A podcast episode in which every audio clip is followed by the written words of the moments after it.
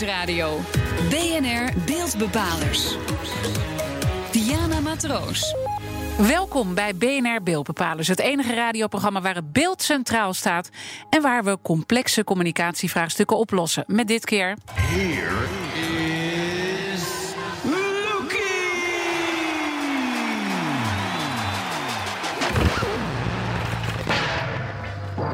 Hey? Als je me nou... Je me nou? Ja, zeg je reclame van de ster, dan zeg je ook Loki de Leeuw. Althans, hangt een beetje samen met je leeftijd volgens mij. Het icoon was in januari nog één keer voor een reclameblok te zien. En over de reclameblokken bij de ster praat ik vandaag met mijn gast. Frank Volmer, hij is directeur van de ster. Ja, we hoorden net eventjes die geweldige Loekie. Wat voel jij bij Loekie? Nou, ik word natuurlijk heel vaak geconfronteerd met Rookie. Want on- ondanks dat hij al eh, jaren van de tv is, eh, zowel door mijn vriendenkring of eh, nou, ook zakelijk, zijn er een heleboel mensen die elke keer maar weer, als je me nou of iets anders, iets anders roepen wat aan, aan Rookie doet denken. Ja, dus als jij binnenkomt, dan zeggen een heleboel mensen... Als je me nou... Ja, zoiets. Zoiets. En wat zeg jij dan?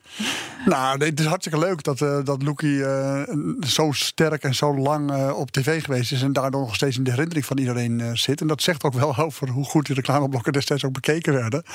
Eh, want anders zou niet iedereen Loekie kennen.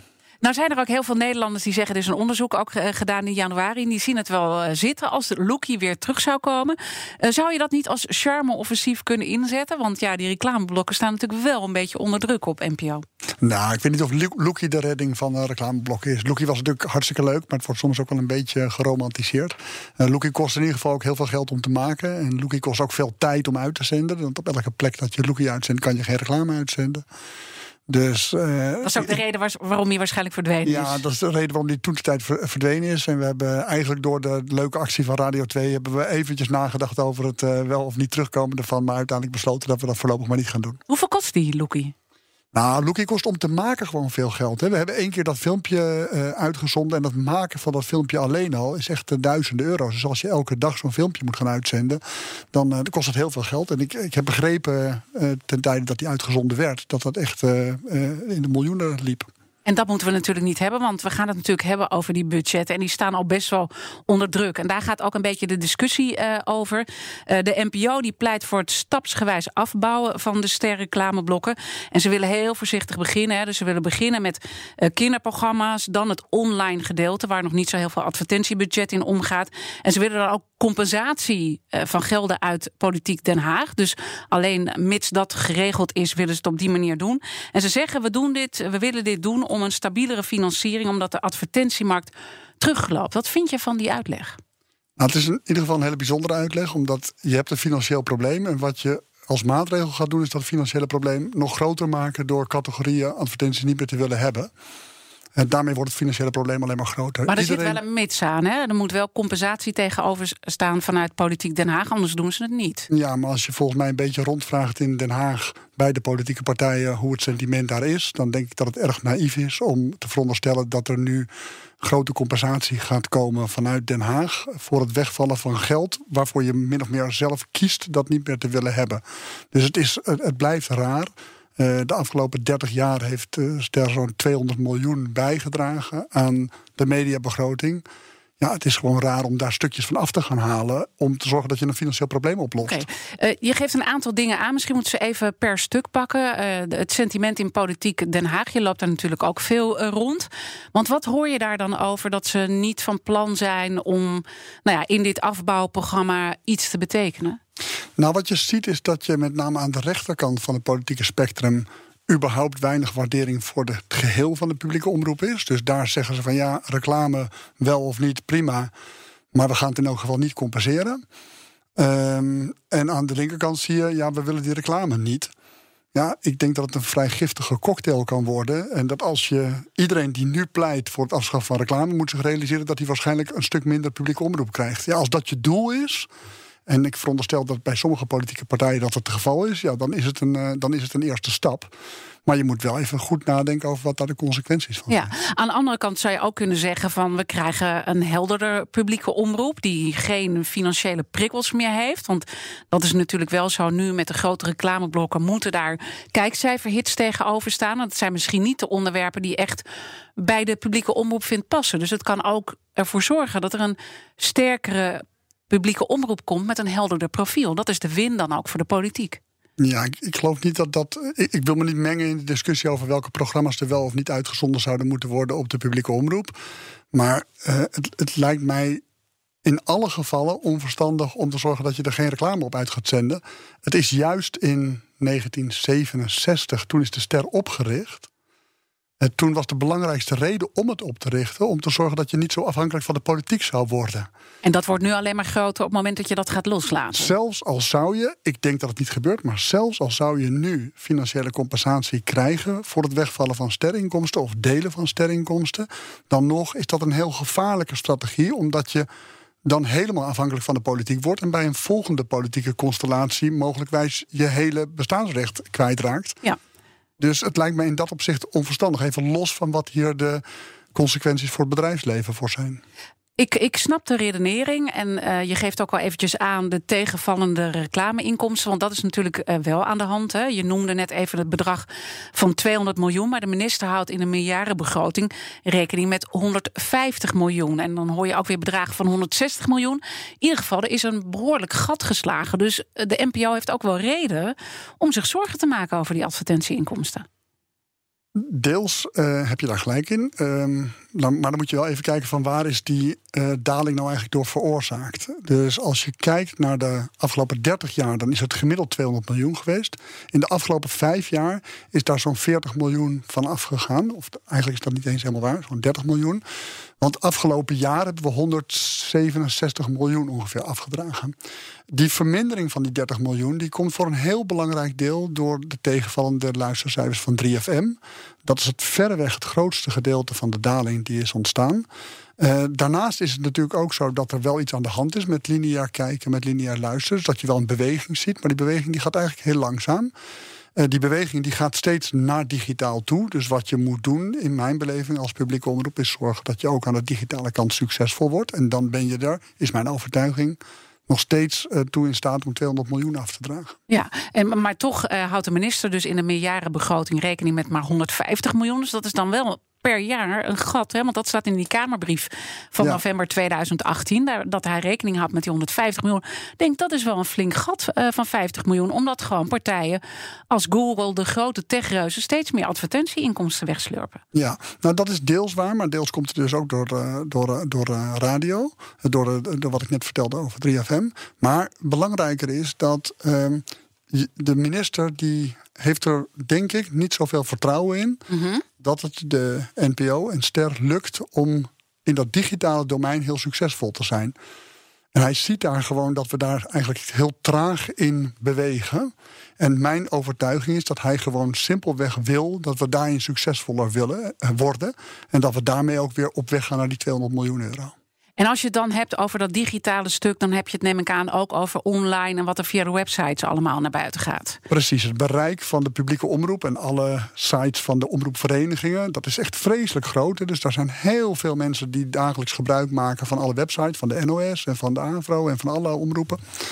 Uh, en daar, uh, daar zie je dat je daar de reclame potentieel echt maar voor een heel klein deel benut. Als je dat wel zou benutten, zou je gemakkelijk die 200 miljoen kunnen uh, blijven afdragen. Toch, als je dan nu dan kijkt naar die website, zit er dan uh, onvoldoende prioriteit bij de verschillende omroepen om daar ook echt na te denken vanuit een advertentiemodel? Nou, ik denk dat het laatste wel een beetje het geval is. Die prioriteit ligt daar niet eh, per definitie. Dat komt ook omdat zij geen enkele prikkel voelen. Want ze voelen de directe relatie tussen dat geld en die advertentieinkomsten ook niet. Op radio en televisie, daar is het allemaal gebruikelijk. Daar weten we dat er voor het 8 uur een reclameblok zit. Maar op een website, ja, daar moet je natuurlijk een technische handeling verrichten... om te zorgen dat daar reclame kan komen te staan. Ja, dat moeten mensen wel doen. Ja, maar ik kan me ook wel weer voorstellen, als je nu kijkt, het online budget is maar 2,5% van het geheel. Als ik het goed heb. Dus dat gaat om, uh, nou ja, 4 miljoen. Dus ik snap wel dat ze die, die prioriteit nog niet helemaal voelen. Nee, dat, dat is zo. Maar dat komt natuurlijk ook omdat je die ruimte niet maakt. Uh, het EY heeft uh, um, als consultancybedrijf een opdracht van het ministerie gekregen om te kijken wat het potentieel is. En zij hebben aangegeven dat het potentieel tussen de 50 en de 70 miljoen euro is. Dus dat is echt heel erg groot. Terwijl je eigenlijk nu uh, bij niet alleen de publieke omroep ziet, maar bij heel veel partijen, uh, dus ook de commerciële uh, partijen, of het nou radio of televisie is, dat er online echt nog heel weinig te verdienen is. Je moet heel hard werken om daar een beetje centjes te verdienen. Ja, dat is niet helemaal waar. Want als je ziet wat er digitaal oplevert, dan is het per, per kijker of per gebruiker is dat echt vreselijk veel meer dan televisie en radio. Elke week lucht onze columniste Marjan Zwageman haar hart over een onderwerp in het medialandschap. Dus uiteraard heeft ze ook een prangende vraag voor onze gast Frank Volmer. En die ga je zo meteen horen na de reclame in BNR Beeldbepalers. BNR Nieuwsradio. BNR Beeldbepalers. Welkom terug bij BNR Beeldbepalers. Dit keer hebben we het over het plan om sterreclames op termijn af te bouwen met allemaal nou ja, ingebouwde voorzorgsmaatregelen. En daar praat ik over met mijn gast van vandaag, Frank Volmer. Hij is directeur van de Ster. We hebben net al eventjes uh, geschetst dat er eigenlijk uh, verschillende visies zijn. Hè. De NPO heeft aangegeven, nou, we willen wel onderzoeken hoe dat afbouwen eruit moet zien. En natuurlijk als directeur van de Ster zeg je, heel slecht idee, moeten we niet doen. Nou is het zo dat ook Jula Rijksman in het bestuur zit van de Ster. En natuurlijk ook uh, bij de NPO. En nou ja, jullie hebben daar discussie over. Dat lijkt me een ingewikkelde situatie. Nou, dat, dan heb je in ieder geval gesprekken waarbij je van mening verschilt. Ja, ja. Ja, ja, ja, Hoe ga je daarmee om dan? Nou, prima hoor, want ik begrijp haar, um, um, haar, haar, standpunten wel. Ik bedoel, ik ben het niet met haar eens, maar ik begrijp wel wat ze zegt. En ik, uh, en ik vind het riskant wat ze doet, omdat uh, nou, nogmaals, zelfs als je het gecompenseerd zou krijgen, vind ik het een slecht idee. Um, maar ik denk ook dat je het niet gecompenseerd krijgt, dus dat je ook nog echt met vuur speelt. Nou is het natuurlijk uiteindelijk wachten op de brief van minister Slop. Dan zullen we een visie horen. Nou ja, dat zou ergens in maart moeten komen. Dat zou wel over de verkiezingen uh, worden heen getrokken. Maar stel nou is dat het echt naar een uh, reclamevrij model zou gaan. Hè, op termijn. En dat we meer een soort BBC-model uh, gaan krijgen. Wat betekent dat dan voor ons als kijkers? Ja, dat, dat is heel moeilijk te zeggen. Kijk, dat vind ik ook een beetje het rare. Het gaat over 200 miljoen euro. Die 200 miljoen euro maken wij over aan de overheid. Die overheid gebruikt dat voor de mediabegroting. En ze kunnen bepalen dat wel of niet aan de publieke omroep te geven. Maar dat is ook een beetje mijn punt. Dat zelfs al, uh, al wil je de publieke omroep kleiner maken, wat wat logischerwijs gaat gebeuren op het moment dat daar minder geld naartoe gaat, dan, uh, dan nog is het raar om afscheid te nemen van de ster. Want dat geld zou je voor van alles en nog wat kunnen gebruiken. 200 miljoen, daar kan je ook elke basisschool een leerkracht voor geven. Dus er zijn, uh, je hoeft helemaal niet om tot een kleinere publieke omroep te komen, als dat je doel is, afscheid van ster te nemen. Ja, maar toch uh, is het wel uh, frappant dat je dat zelf ooit wel gezegd he, uh, hebt in jouw tijd als directeur van TMG, van de Telegraaf Mediagroep, dat je daar wel voor zou zijn. Nou, ik heb toen nooit gezegd dat ik uh, afscheid van uh, Ster wilde nemen. Dat meen ik me niet te herinneren. Volgens mij heb ik wel iets nou ja, gezegd over... De CEO heeft het toen uh, gezegd en dat zullen jullie afgestemd hebben. Ja, ik, zo nee, zeggen. Ik, ik, kan me heel lang geleden herinneren dat er wel een CEO geweest is die dat geroepen heeft. Maar ik, volgens mij heb ik in mijn, ook in mijn tijd in mijn telegraafverantwoordelijkheid gezegd... van daar waar de publieke omroep is,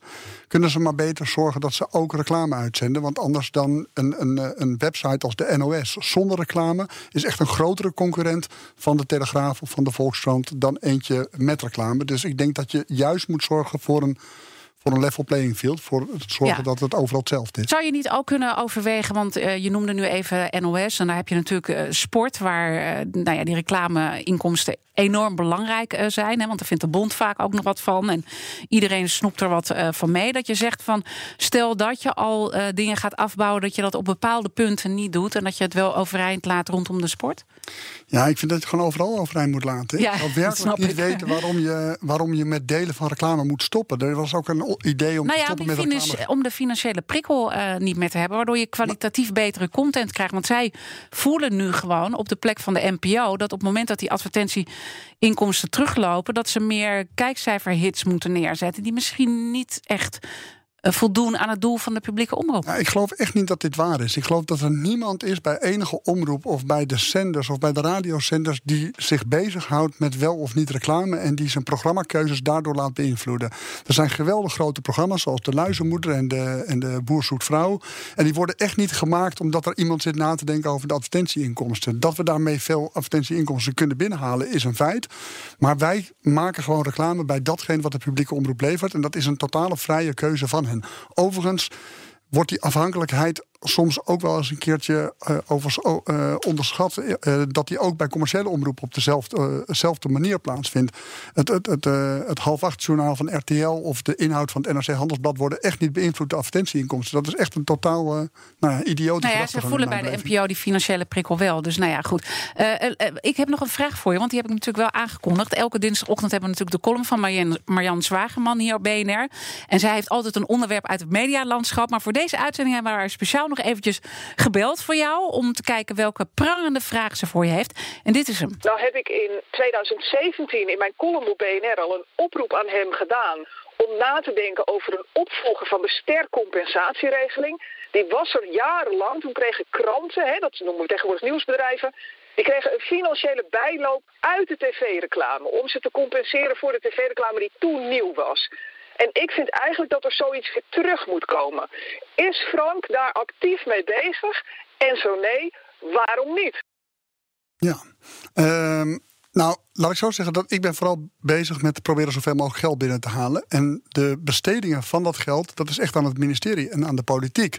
Ik vind het in zichzelf een hele logische gedachtegang dat je breder zou kijken over hoe je het hele medialandschap kan versterken.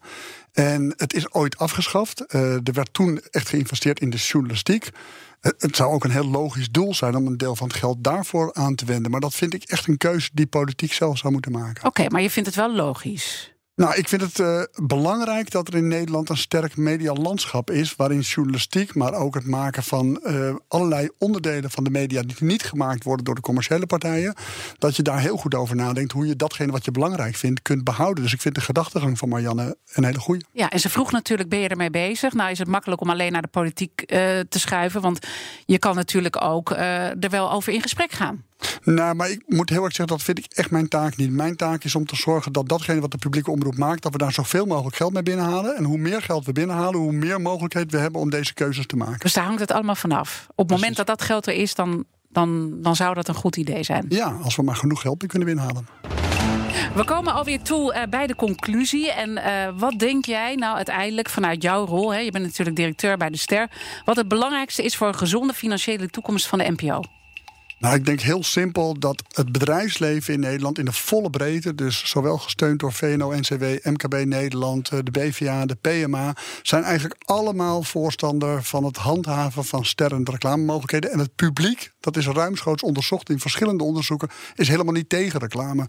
Dus waarom zou je jezelf de 200 miljoen ontnemen, waarmee je echt een heleboel mooie dingen kan doen? Want op het moment dat je die 200 miljoen ontneemt, dan zijn de consequenties? Nou, ik denk dat de consequenties gaan zijn dat er minder budget voor de publieke omroep is. Maar zelfs al zou je dat accepteren, dan nog zijn er heel veel mooie dingen die je van 200 miljoen kan doen. Uiteindelijk moet het dus het politieke besluit moeten we afwachten. Durf je al een beetje te voelen welke kant het op gaat? Ja, ik heb er alle vertrouwen in dat, er, dat, uh, dat die beslissing om ster af te schaffen niet genomen gaat worden. Oké. De beeldbepaler van de week. Tijd voor de beeldbepaler van de week. En uh, we bekijken altijd met elkaar wie bepaalde deze week het beeld. Redacteur Madelief van Haarlem, vertel. De beeldbepaler van de week is Giel Belen. Want de DJ van Veronica die zei maandagochtend in de uitzending het volgende over de documentaire over Michael Jackson. Het is vreselijk wat hij gedaan heeft, maar ik zou toch willen zeggen er zijn ergere dingen. Maar mhm. even later zei Giel ook: ik moet het ook niet goed lullen, het is vreselijk. Nu heeft website uh, De Media Courant zijn eerste uitspraak als kop verwerkt boven een artikel. En Talpa Radio heeft via een advocaat een brief naar de Mediacourant gestuurd om die kop te laten aanpassen. Nou, Talpa die laat in een reactie aan onze redactie weten: de kop boven het artikel pretendeert dat dit de conclusie is van het gesprek dat Giel met zijn collega's had. En de conclusie was echter juist dat er geen ergere dingen zijn. En dit kwam in het artikel van de Mediacourant uh, onvoldoende naar voren. Nu heb ik eventjes gebeld met mediaadvocaat Remco Kleuters. En uh, ik vroeg hem of Talpa eigenlijk een punt heeft. Ik denk niet dat uh, dit Talpa iets gaat opleveren. Het is uh, in de jurisprudentie uitgemaakt dat een kop een stuk minder genuanceerd mag zijn dan een heel artikel. Er is natuurlijk wel een grens aan. De kop mag niet misleiden. Er mogen geen aperte onjuistheden zijn. Maar er mag in een heel korte, in een kort bestek wel een heel duidelijk standpunt worden genomen. Uh, het is wel van belang uh, of de inhoud van het artikel die kop niet compleet ontkracht. Maar dat is hier ook niet het geval. Uh, in het artikel staat heel duidelijk uitgelegd wat daar gebeurd is. Dus ik zie geen problemen in die kop. Dus uiteindelijk zegt hij uh, dat uh, Talpa eigenlijk geen kans heeft met deze hele rechtszaak. Nee, dat klopt. En de Mediacorant heeft het artikel ook nog steeds op de website uh, staan. Die hebben ook zoiets van, nou, duimpje naar beneden voor Talpa... met de vraag of dit aangepast gaat worden. Gaat dus niet gebeuren. Wat vind jij hiervan? Het lijkt me een kansloze actie van Talpa. En ik uh, geloof ook niet. Ik geloof dat ze hiermee Mediacorant veel meer publiciteit geven dan ze anders gehad zouden hebben. Is het niet ook heel erg bijzonder dat zij zich uh, nou ja, lijken te bemoeien met wat uh, journalisten, ik bedoel wat je ook van welke website vindt, maar dat ze zich daarmee bemoeien met de, met de inhoud? Nou, vooral in het geval dat iedereen heeft kunnen horen wat er precies gezegd is. Dus dat iedereen het ook heel logisch vindt dat je deze kop over een artikel zet. En een kop is, uh, nou ja, dat weet ik maar journalistieke verleden toch altijd wat minder genuanceerd dan het hele artikel. En, en dat mag ook en gewoon, toch? Die daarin ja. zich heel naar geluisterd heeft, die kan zelf die nuance aanbrengen. Dus ik denk dat het vrij kansloos is. Ja. Vind je überhaupt nog iets van de opmerking van Giel? Nee, ik heb de documentaire niet gezien, dus die ga ik eerst maar eens kijken. Oké, okay. uh, het, is, het is vrij schokkend uh, om te kijken. Ik heb hem wel gekeken en uh, ik ben er veel over in gedachten wat ik er nou van moet vinden. Het is, het is eigenlijk gewoon afschuwelijk. Uh, die, die opmerking van Giel kan ik in ieder geval niet begrijpen. Uh, dit uh, was hem. dankjewel, Madelief van Haarlem, voor de beeldbepaler van de week. En dank ook aan mijn gast, Frank Vulmer. Hij is de directeur van de Ster. Dit was BNR Beeldbepalers. Terugluisteren kan via de site, de app, iTunes of Spotify. Mijn naam is Diana Matroos. En we zijn heel graag volgende week weer bij u terug.